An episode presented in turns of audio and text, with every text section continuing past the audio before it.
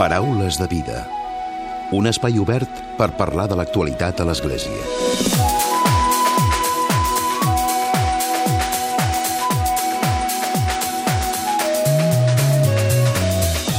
Què tal? Salutacions i molt bon dia, molt bon diumenge. La Direcció General d'Afers Religiosos de la Generalitat ha presentat recentment el Diccionari de les Religions, un nou treball, en aquest cas adreçat als nois i noies de 10 a 14 anys.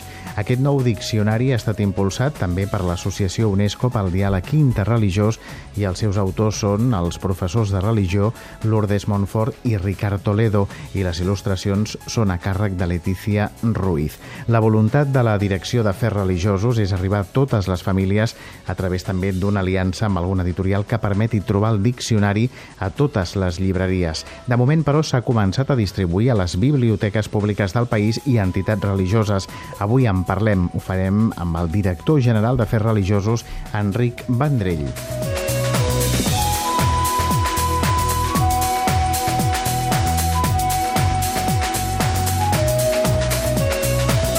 I a la recta final del Paraules arribarà un nou comentari de l'actualitat de Francesc Romeu que parla precisament de la importància d'aquest diccionari de les religions. Comencem.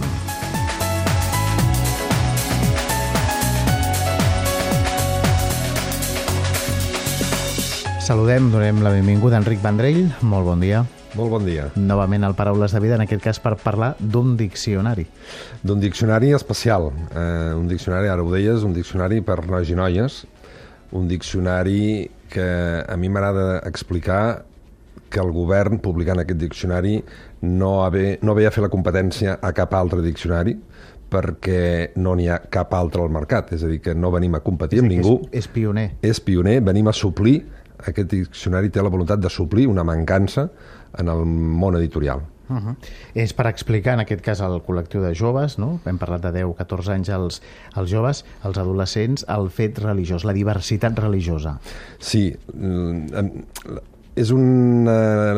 Jo aquests dies també intento explicar que mm, m'agradaria que no es veiés la publicació d'aquest diccionari com una eh, cosa aïllada, com, com, com un bolet, que deien a casa meva, no, no, això no, no sorgeix del no-res, no? La, la Direcció General eh, treballa des de fa temps eh, per tal de donar a conèixer aquesta diversitat religiosa, tan present ja a hores d'ara al nostre país, i no hi ha dubte que un àmbit on la diversitat és eh, una gran realitat, una realitat molt evident, és en el món educatiu del país. No? I ens sembla que és molt important que els nois i noies, els nens i nenes, eh, de qualsevol creença, de qualsevol origen cultural, doncs eh, vagin a escola junts i se seguin junts, però sempre hem dit que no n'hi ha prou.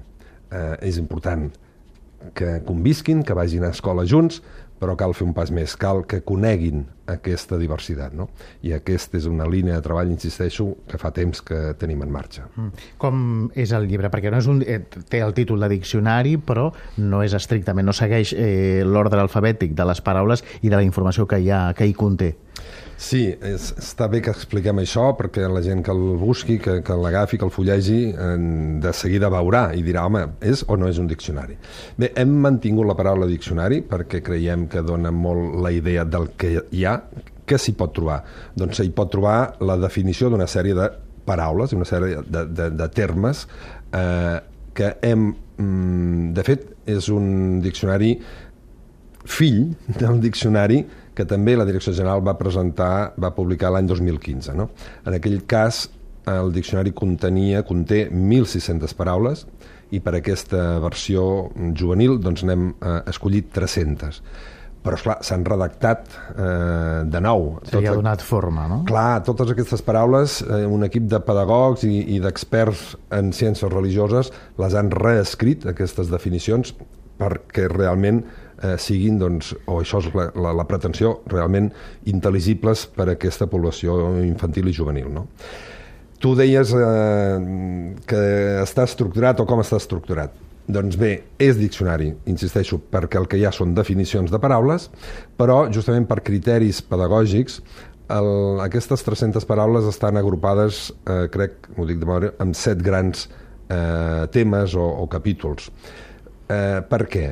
Bueno, perquè, per exemple, hi ha un apartat doncs, sobre centres de culte, no? I pots buscar la definició de parròquia, o pots buscar la definició de sinagoga o de mesquita, no? etc etc etc. Quan busquis la definició d'un d'aquests centres, de seguida veuràs a la mateixa plana altres definicions que tenen molta relació, perquè estem parlant, en aquell cas, de centres de culte. No? El mateix amb, pel que té a veure amb festivitats. No? Un altre apartat doncs, són les festivitats. No?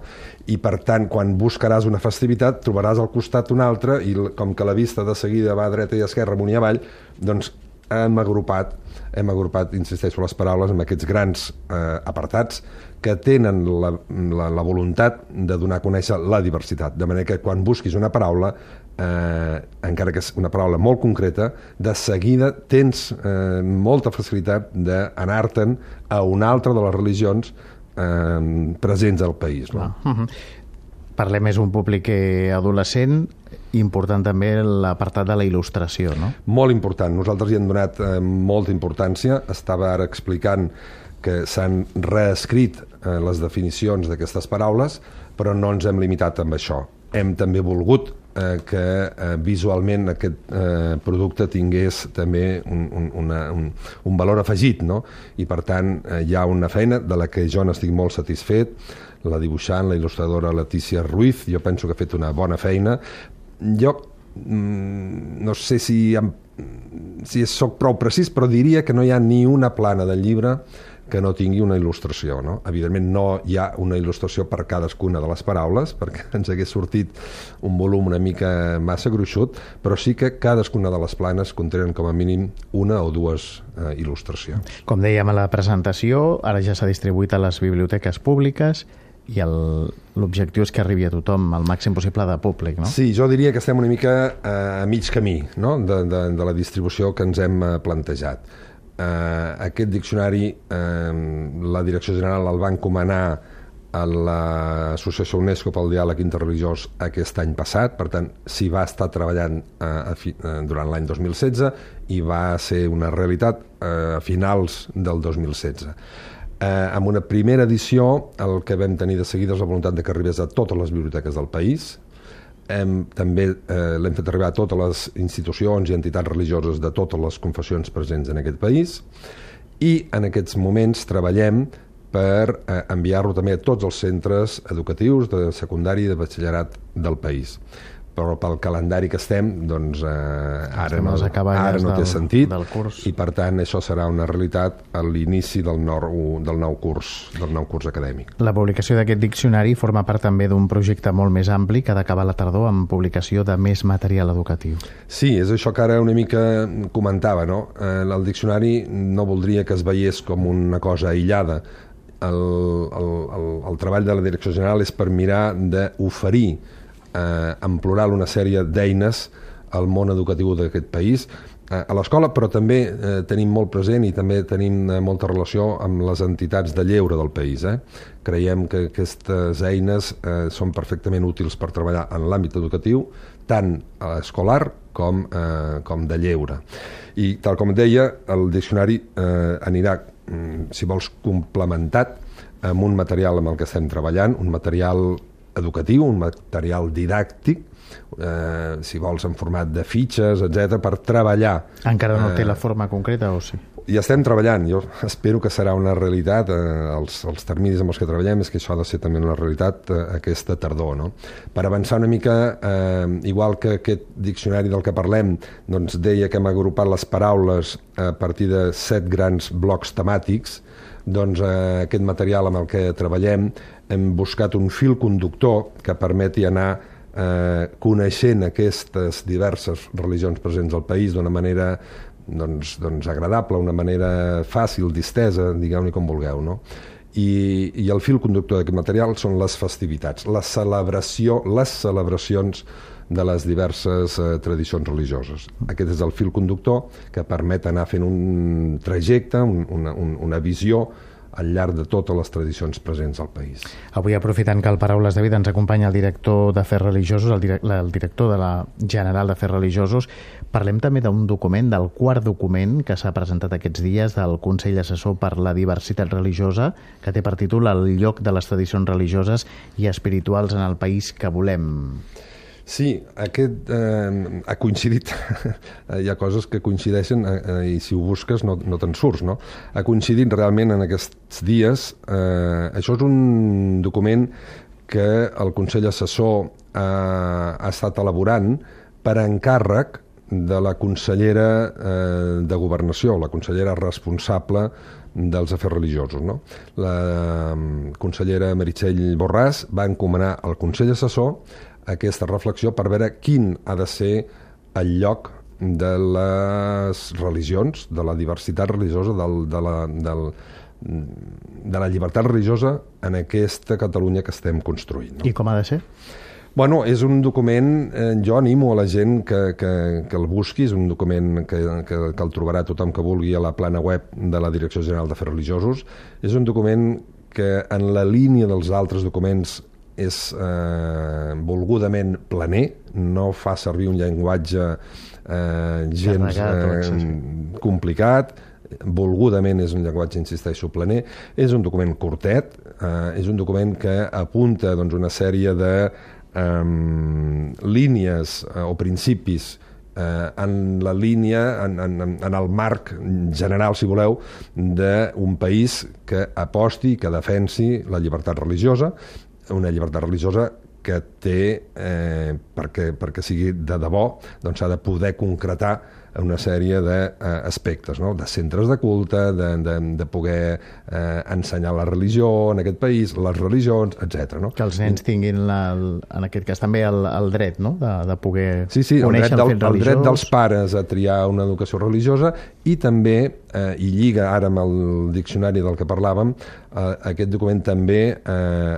aposta perquè eh, en el sistema educatiu siguem capaços d'oferir una formació sobre les grans tradicions religioses presents al nostre país i al món en general. No? Per tenir aquesta preocupació no? Des del govern català per, per veure com queda també aquesta situació. No? Sí, sí, sí, eh, insisteixo, és una reflexió eh, que va estar doncs, demanada, no? és un document sol·licitat pel govern i, per tant, eh, el Consell Assessor va anar formalment a lliurar-lo i explicar-lo al president de la Generalitat aquesta setmana passada.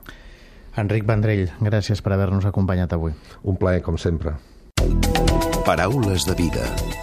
Un espai obert per parlar de l'actualitat a l'Església. I tot seguit arriba el comentari de l'actualitat de Francesc Romeu. Francesc, molt bon dia. Molt bon dia a tothom. La Direcció General d'Afers Religiosos ha editat un diccionari de les religions per a noies i nois de 10 a 14 anys. El director general d'Afers Religiosos, Enric Vendrell, va presentar a principis d'aquest mes de juny aquest diccionari que ha publicat el govern de la Generalitat i que recull una descripció amb llenguatge entenedor dels principals conceptes relacionats amb les religions que tenen més presència a Catalunya, en funció de la incidència social, cultural i històrica.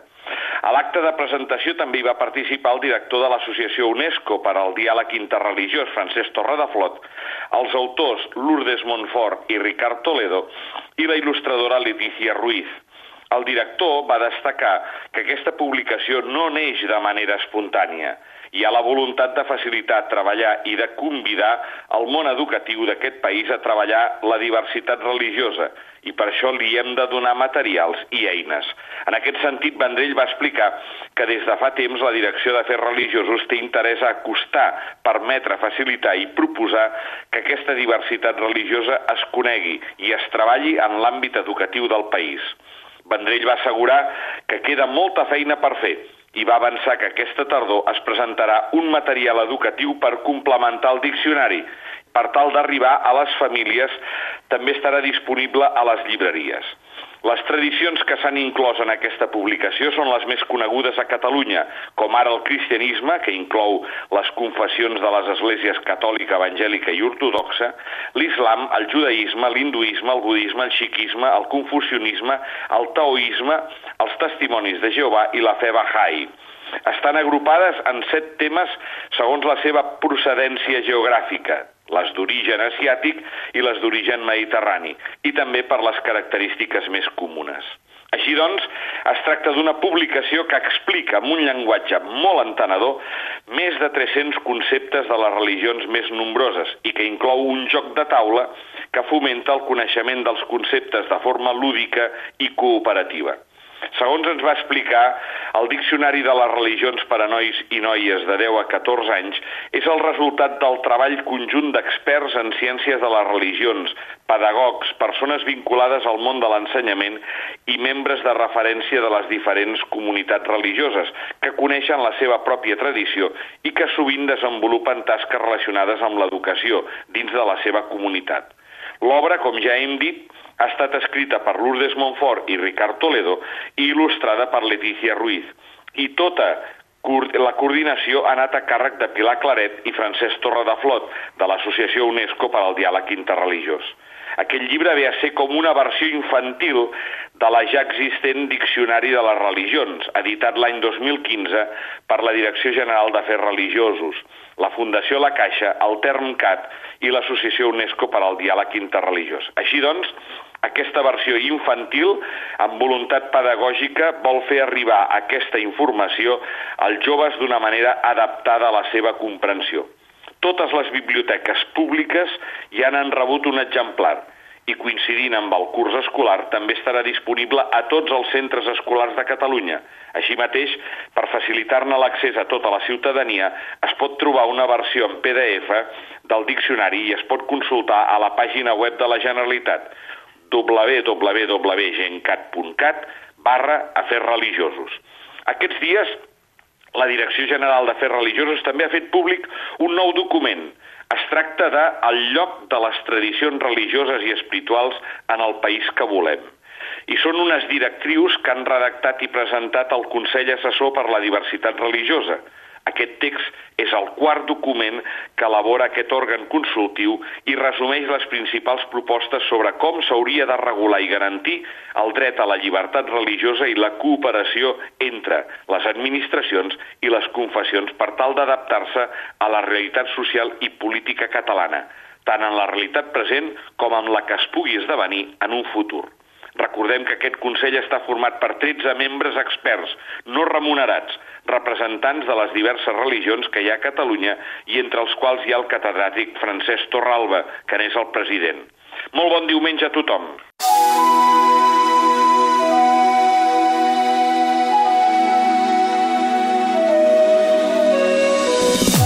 Punt i final al Paraules de Vida d'aquesta setmana d'aquest diumenge. En Josep Maria Marçà ha estat el control tècnic i qui us ha parlat l'Emili Pacheco. Que passeu bon diumenge i una molt bona setmana.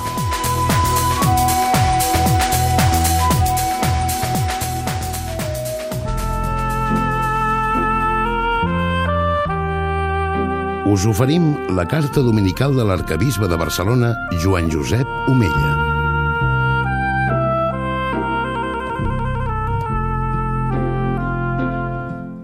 Déu vos guard. El diumenge de la Santíssima Trinitat, un dia especialment centrat en el misteri de Déu, tenim cada any un record per als nostres germans contemplatius i les nostres germanes contemplatives que són a prop als convents i monestirs dels nostres pobles i ciutats. Ells preguen per nosaltres i per les necessitats del món. Preguen perquè el regne de Déu es vagi estenent entre nosaltres. Els contemplatius i les contemplatives ens recorden que els cristians estem cridats a conrear la dimensió contemplativa que tots hem rebut de Déu, cadascú segons el seu estat de vida i les seves possibilitats. La contemplació no és un do exclusiu dels monjos i les monges. El lema de la jornada Pro Orantibus d'enguany citant la Constitució Apostòlica del papa Francesc sobre la vida contemplativa femenina buscar el rostre de Déu, és contemplar el món amb la mirada de Déu.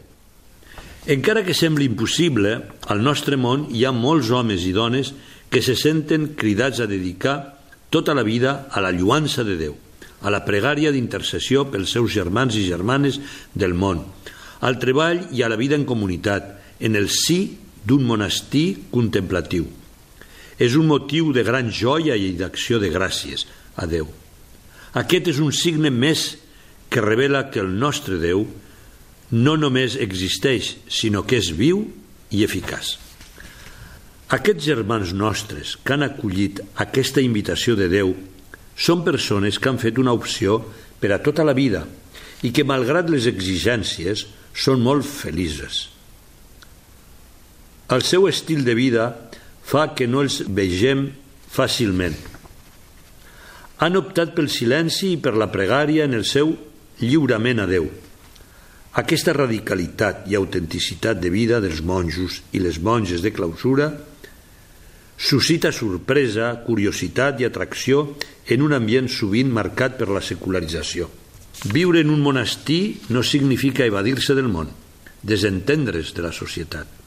La vida contemplativa és l'expressió de l'amor de Déu i no es pot estimar autènticament Déu sense estimar la humanitat els homes i les dones que Déu crida a la vida contemplativa són persones que estimen la vida, que són solidàries amb els germans i que des de la seva vocació també estan compromeses i col·laboren activament en la transformació del món. La seva pregària intensa, unida a la nostra acció, es desvé motor de canvi interior i social. La nostra acció necessita la seva pregària. De fet, encara que sembli una paradoxa, des del monestir són a prop de les necessitats eclesials, però també de les nostres inquietuds, tristeses i sofriments. Quanta gent els va visitar per demanar-los que preguin per intercessions concretes. Viuen amb els ulls posats en el Senyor i en el cor obert a les necessitats dels germans, un cor que fent-se pregària fa que la seva vida sigui apostòlica i col·labori a la redempció del món. Moltes gràcies, germans i germanes contemplatius. Des del silenci, l'adoració, la pregària i la vida en comunitat, ens ensenyeu a recordar la primacia de Déu sobre el món i a contemplar aquest amb la seva mirada. Benvolguts germans, que Déu us beneixi a tots. us hem ofert la carta dominical de l'arcabisbe de Barcelona, Joan Josep Omella.